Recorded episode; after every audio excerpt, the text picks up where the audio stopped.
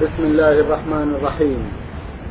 الحمد لله رب العالمين والصلاة والسلام على نبينا وسيدنا محمد وعلى آله وصحبه وسلم.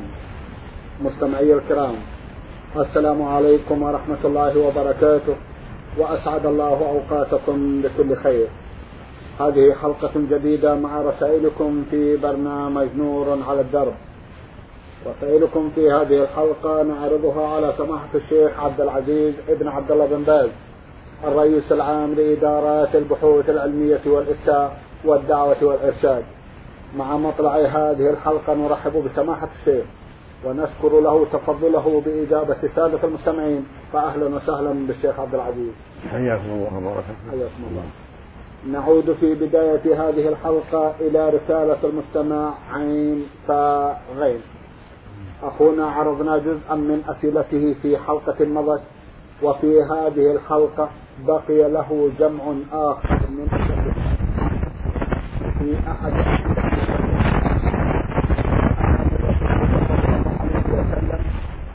أن الصلاة في الحرم بألف صلاة. يرى بعض المسلمين في صلاة. هذا المفهوم جزاكم الله خيرا. بسم الله الحمد لله وصلى الله وسلم على الله وعلى آله بعد الحديث وارد في ذلك. ليس بأهل الصلاة في مسجد هذا يعني المدينة خير من أهل الصلاة في مسجد وصلاته في المسجد الحرام. خير من مئة أهل الحرام خير من مئة أهل الصلاة في غير مسجد ولكن هذا في الفضل والأجر. الفضل والأجر. ولا يجوز أن يكتب بذلك. صلاة واحدة. كيف بها الصلاة؟ يعلمون من يصلي الصلاة كلها في وقتها. وألا يترك منها شيئا. ولو صلى في المسجد الحرام آلاف الصلاة. لا تجزي عما الله.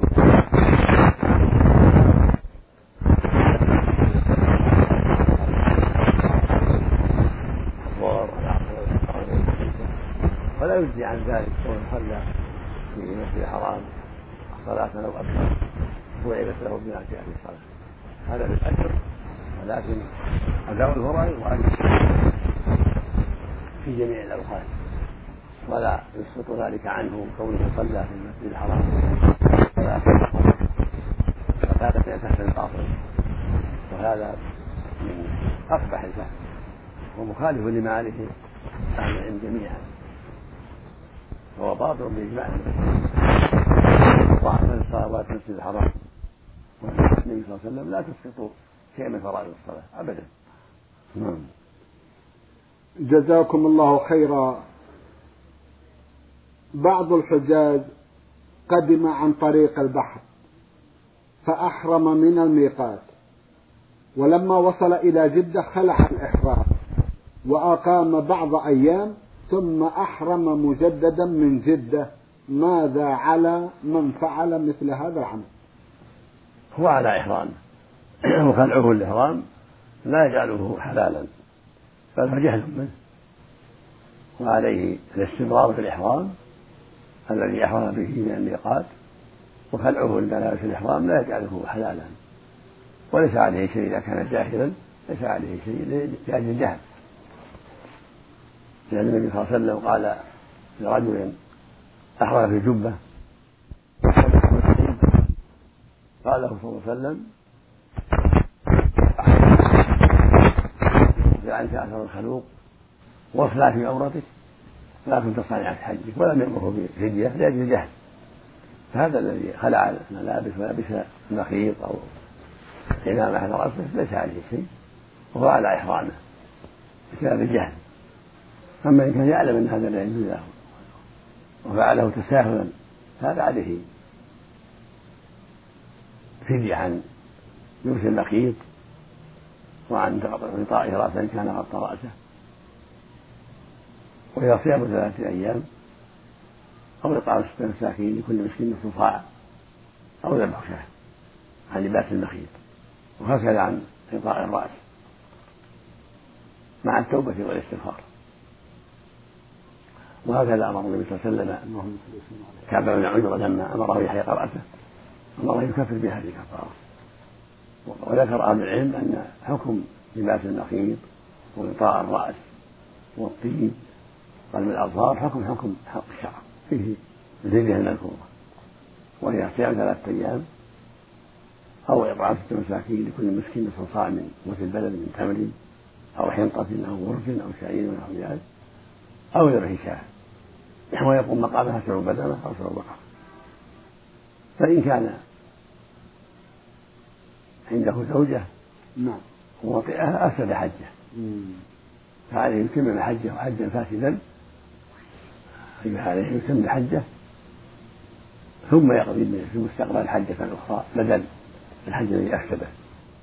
وعليه بدنة تذبح في مكان أخرى. بسبب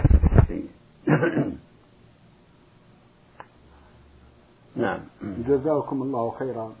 يسأل أخونا عين فاغين هذا السؤال فيقول هل دعوة الشيخ محمد بن عبد الوهاب مذهب خاص؟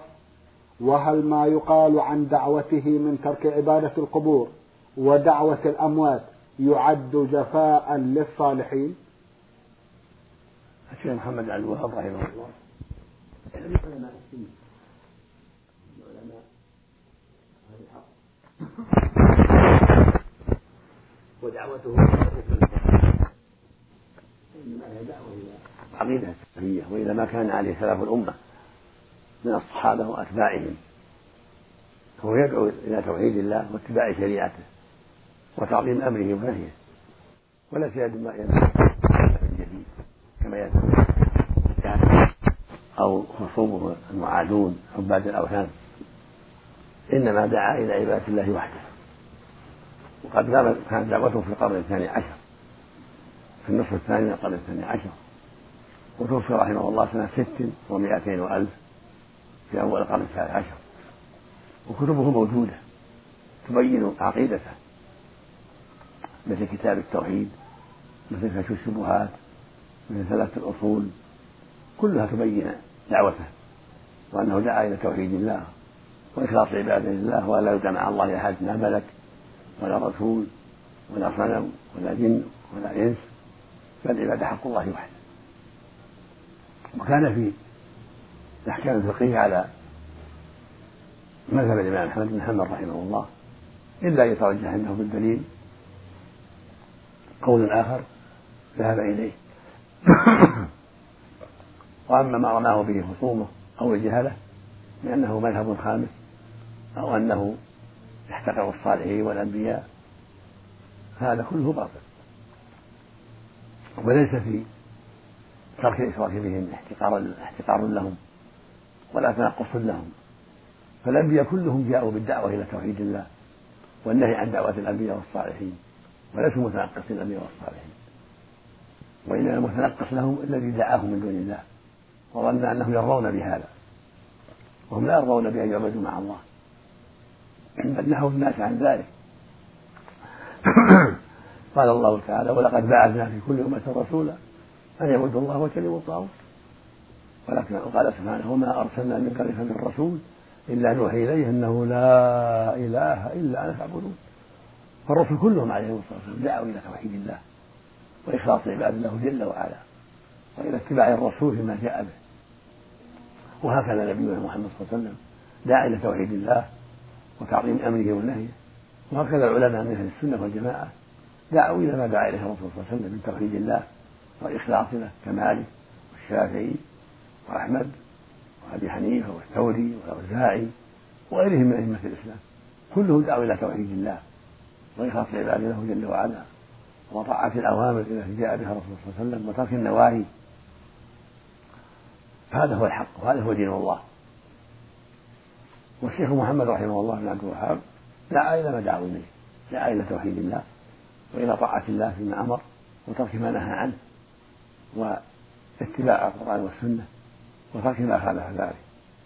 فليس له مذهب خامس وليس له دعوة خامسة بل هو يدعو إلى ما دعا إليه الرسول صلى الله عليه وسلم ودعا إليه الصحابة ودعا إليه أئمة الإسلام في الأقوال والأعمال والعقيدة. هذا هو الحق الذي لا ريب فيه. ومن قرأ كتبه عرف ذلك. والله المستعان. الله المستعان. جزاكم الله خيرا. يسأل أخونا فيقول أيهما أفضل؟ الصلاة في المسجد الحرام أم الصلاة داخل حدود الحرم؟ جزاكم الله خيرا.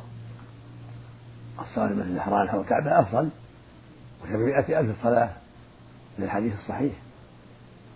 والصواب أنها تضاعف الصلاة أيضا في بقية الحرم لكن على قول بعض أهل العلم. أما الصلاة في المسجد الحرام حول الكعبة هذا أمر متفق عليه أنها تضاعف فإذا تيسر المسلم الصلاة في المسجد الحرام حول الكعبة فذلك أفضل وأكمل. وأن يصلى في أي أي مسجد مساجد مكة مر له هذا الفضل على الصحيح وأن الحج يعم الحرم كله. حتى لو صلى في بيته النافلة يعم هذا الفضل. صلاة النافلة البيت صلاة النافلة في البيت أفضل فيعمه الفضل. وهكذا صلاة النساء في بيوتهم يعمهم هذا الفضل. في مسجد يعني في مكة المكرمة نعم. لكن الفريضة يجب أن تصلى في المساجد مع الجماعة. نعم. وإذا تيسر للمؤمن أن يصلي في المسجد الذي حول الكعبة كان ذلك أكمل وأفضل لأنه محل إجماع. نعم. جزاكم الله خيرا. حدثونا عن كل فدية. وعن البديل عنها وعن الهدي والبديل عنه الهدايا والفدية في في حق الحاج والمعتمر متنوعة. طيب. فعلى من تمتع بالحج والعمرة أو قرن بين الحج والعمرة عليه هدي يسمى هدي التمتع. نعم. وهذا فريضة وهو شاة من الغنم تجزي في الأضحية. سلم من العيوب تجزي في الأضحية. شاة واحدة. رأس واحد من الغنم. نعم. أو شعبة أو في البقرة في حق من من تمتع بالعمر الحج أو قرن بينهما. البديل هناك والبديل عن ذلك صيام عشرة أيام. من عجز نعم. صام عشرة أيام. ثلاثة أيام في الحج قبل عرفة أو في أيام التشريق وسبعة إذا رجع إلى أهله. هذا هو البديل نعم. وهكذا من ترك واجبا نعم. كترك الإحرام من الميقات أو ترك الرمي عن الجمار. أو جمرة من الجمار كرمت جمرة العقبة أو إحدى الجمار الثلاث. يكون عليه دم. ويجزي عنه إذا عجز عنه صيام عشرة أيام كما في هدي التمتع. نعم. وهكذا لو لبس المخيط. أو محرم أو غطى رأسه أو حلق رأسه أو تطيب عمدا يكون عليه فدية مخيرة. وهي صيام ثلاثة أيام أو إطعام ستة مساكين أو ذبح الشاة والإطعام ثلاثة أصواع كل مسكين له نصف صاع. من قوت البلد من التمر أو الأرز أو الحنطة. وتفاصيل الفدية معروفة في محلها في كتب أهل العلم. نعم. جزاكم الله خيرا. يسأل أخونا عين فا غين فيقول ما حكم من هم بمعصية في مكة المكرمة ولكنه لم يفعلها؟ هل يعد كمن فعلها وهل للإقامة في مكة المكرمة والمدينة المنورة آداب وأحكام خاصة بهما؟ من هم بالمعصية في الحرم الشريف المكي استحق العقاب هذا شيء خاص بالحرم المكي لأن الله يقول سبحانه ومن يريد فيه بإلحاد بظلم نذيقه من عذاب أليم. هذا وعيد شديد يدل على أنه إذا هم بالمعصية ولو لم يفعل يستحق العقاب فالواجب الحذر على من كان في مكة الحذر. وهكذا في المدينة يجب الحذر لأن الرسول حرم المدينة كما حرم الله في مكة. فالواجب الحذر من المعاصي كلها والهمة بها والعزم عليها.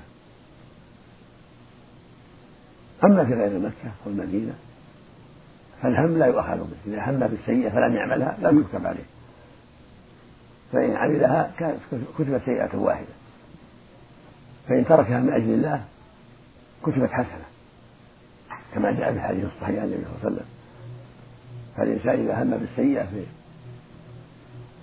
أي مكان غير مكة والمدينة له ثلاث ثلاث حالات. له ثلاث حالات. إحداها يهم بالسيئة ثم يتركها تشاغلا عنها. هذا ليس عليه شيء. الثاني يهم بها ثم يدعها لله خوفا من الله. هذا تكتب له حسنة الثالث هم بها وعمل ما استطاع. من الفعل السيء. هذا يؤخذ بذلك. لحديث الحديث الصحيح يقول صلى الله عليه وسلم إذا التقى المسلم بسيفيهما فالقاتل مقتول في النار.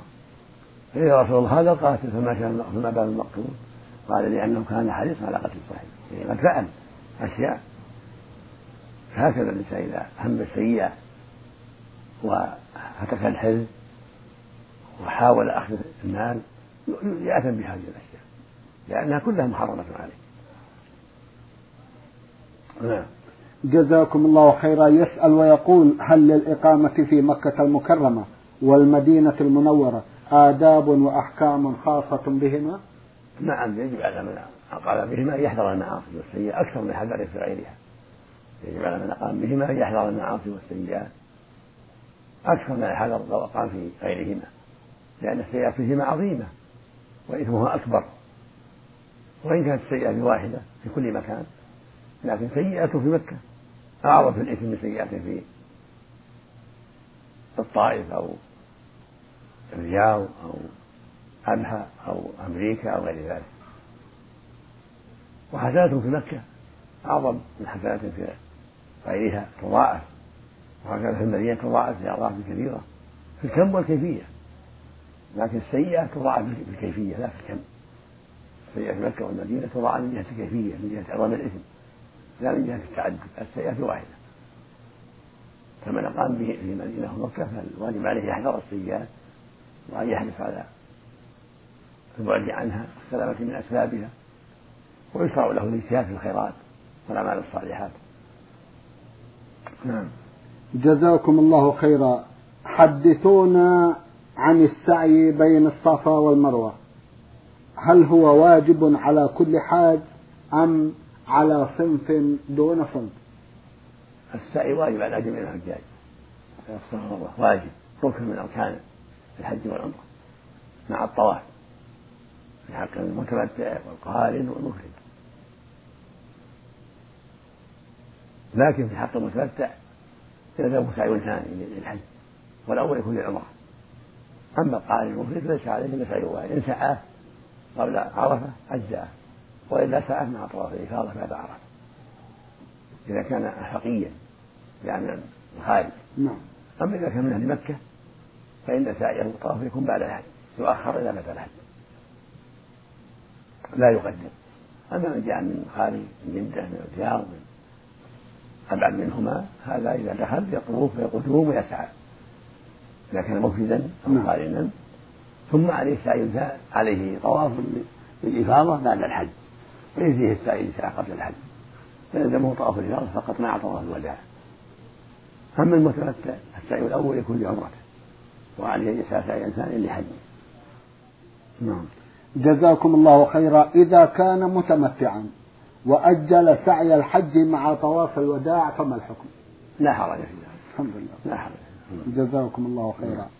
إذا كان الإنسان يطوف طواف الإفاضة وأقيمت الصلاة فهل يقطع الطواف أم يواصل؟ السنة يقطع الطواف. طواف الإفاضة غيره إذا أقيمت الصلاة يقطع الطواف يصلي ثم يتمم الطواف من مكانه إذا قطع فيه. هذا هو الصواب. نعم. نعم. جزاكم الله خيرا. يقول بعض النساء يكشفن وجوههن أثناء الطواف. ما هو توجيهكم لهن ولأولياء أمورهن؟ الواجب عليهن أن يتحجبن.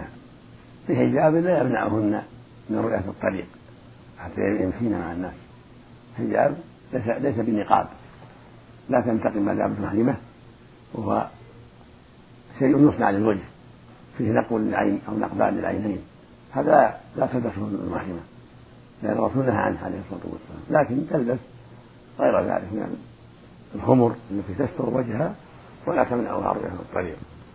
كما قالت عائشه رضي الله عنها كنا مع النبي صلى الله عليه وسلم في حجة الوداع فكنا إذا دنا من الرجال سدلت إحدانا خمارها على وجهها من رأسها فإذا بعدوا كشفنا. هذا هو الواجب. بين عند الرجال في السعي أو غيره تسدل جلبابها أو خمارها وجهها وعند خلوتها بالنساء أو في بيتها تكشف ما دامت محرمة. جزاكم الله خيرا. يقول أخونا بعض النساء ترتدي ملابس تصف تقاطيع جسمها فما الحكم؟ ولا سيما إذا كانت تطوف أو تسعى. الواجب على المرأة أن تلبس ملابس متوسطة لا تصل حد الأعضاء ولا تكشف العورة تكون ساترة لا غير ضيقة. حتى لا تفتن الناس. ولا تلبس الشيء المسيء الذي يبين بعض أعضائها. لا ولكن وسطا. تكون يكون ثوبها وسطا ساترا لا يبين حجم الأعضاء. هذا هو الواجب عليها. نعم. جزاكم الله خيرا. يقول بعض الناس يلزم المرأة بالسعي كالرجال. فهل هذا صحيح؟ أم أن المرأة لها أحكام في السعي خاصة؟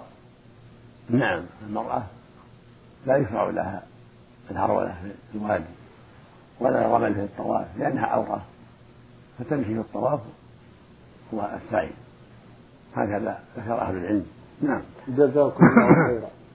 ما حكم تلقين الدعاء للناس في الطواف والسعي وفي عرفة والمزدلفة وعند الجمرات ولا سيما إذا كانوا في حاجة إلى ذلك؟ لا حرج في ذلك. كونه يقرأ الدعاء. طيب لا حرج في ذلك لكن إذا استطاع الإنسان أن يدعو بنفسه ويذكر الله بنفسه هذا أكمل وأخشى لقلبه. نعم. ما حكم ما إذا دعا إنسان بالأدعية الصحيحة الواردة ودعا الناس بدعائه وهذا تلقين لهم؟ لا معنى من ذلك. الحمد لله. لكن لا يكون بتحري صوت واحد. مم. لا ولكن هذا يدعو وهذا يدعو. نعم. جزاكم الله خيرا. ما حكم التكبير الجماعي في العيدين بعد الصلوات؟ علما بأنه يذكر الناس بهذه الشعيرة المباركة كما يقول هذا المستمع. يكبرون كل يكبر في الصف وفي الطريق لكن ليس على صلاة جماعية. يعني هذا بدعة لا صلاة. ولا كل يكبر هذا يكبر وهذا يكبر. وبهذا يتذكر الناس ويستفيد الناس. أما كون بلسان واحد من جماعة. لا لا أصل له. وهو التكبير الجماعي أو التلبية الجماعية. لا لا يشرع هذا. لكن كل يلبي أو يكبر من دون تحري. أن يبدأ صوت صوت مع صوت أخيه وينتهي مع صوت أخيه. هذا لا أصل له. ولا نعلمه عن الرسول صلى الله عليه وسلم ولا عن أصحابه رضي الله عنهم وأرضاهم. نعم. هل يأثم من فعل هذا سماحة الشيخ؟ يخشى عليه الإثم يعني بدعة يخشى عليه الإثم نعم. جزاكم الله خيرا. ما حكم تقبيل يدي أهل الفضل والجاه والصلاح والوالدين؟ إذا كان بعض الأحيان قد يفيد فلا مرتهن لكن لا يتخذه عادة ينبغي تركه. أما إذا كان اعتاد في بلاده الناس ويرى أنه لو ترك ذلك عده هرما له تنقصا له فلا مانع أن يفعله عند الحاجة إلى ذلك. من باب سد الذرائع المفضية إلى الشحناء والعداوة أو ظن الانتقاص وهكذا مع الوالد لا بأس. كانت فاطمة رضي الله عنها إذا دخلت النبي صلى الله عليه وسلم قام إليها وأخذ بيدها وقبلها. وكان إذا دخلت يعني وكان إذا دخل عليها قامت إليه وأخذت بيده وقبلته رضي الله عنها وصلى الله عليه وسلم. فلا حرج الوالد له حق عظيم. فإذا قبل يده وقبل رأسه فلا بأس. لكن كونه يتخذ هذا عادة كل ساعة كل ساعة قد يكون تركه أفضل إلا مع الوالد خاصة أما مع الناس إذا فعل بعض الأحيان لترك لتفادي بعض الشر أو بعض الشحنة فلا بأس. أما مع الوالد فلا حرج. لفعل فاطمة مع النبي صلى الله عليه وسلم. جزاكم الله خيرا. ما هي وصيتكم للحاج العائد إلى دياره؟ وصيتي له أن يتقي الله ويلتزم الحق وأن يتبع حجه بالأعمال الصالحة وأن يحذر الرجوع إلى أعماله السيئة التي كانت قبل الحج وأن يستقيم حتى يلقى ربه في طلب العلم والتفقه في الدين وفي طاعة الله وترك معصيته في جميع الأحوال. هذا وصية في كل حال أن يلزم الحق وأن يستقيم عليه بعد رجوعه وأن يستمر إلى الموت.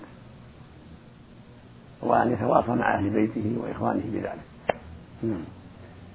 جزاكم الله خيرا. لماذا كان الاختلاف بين العلماء؟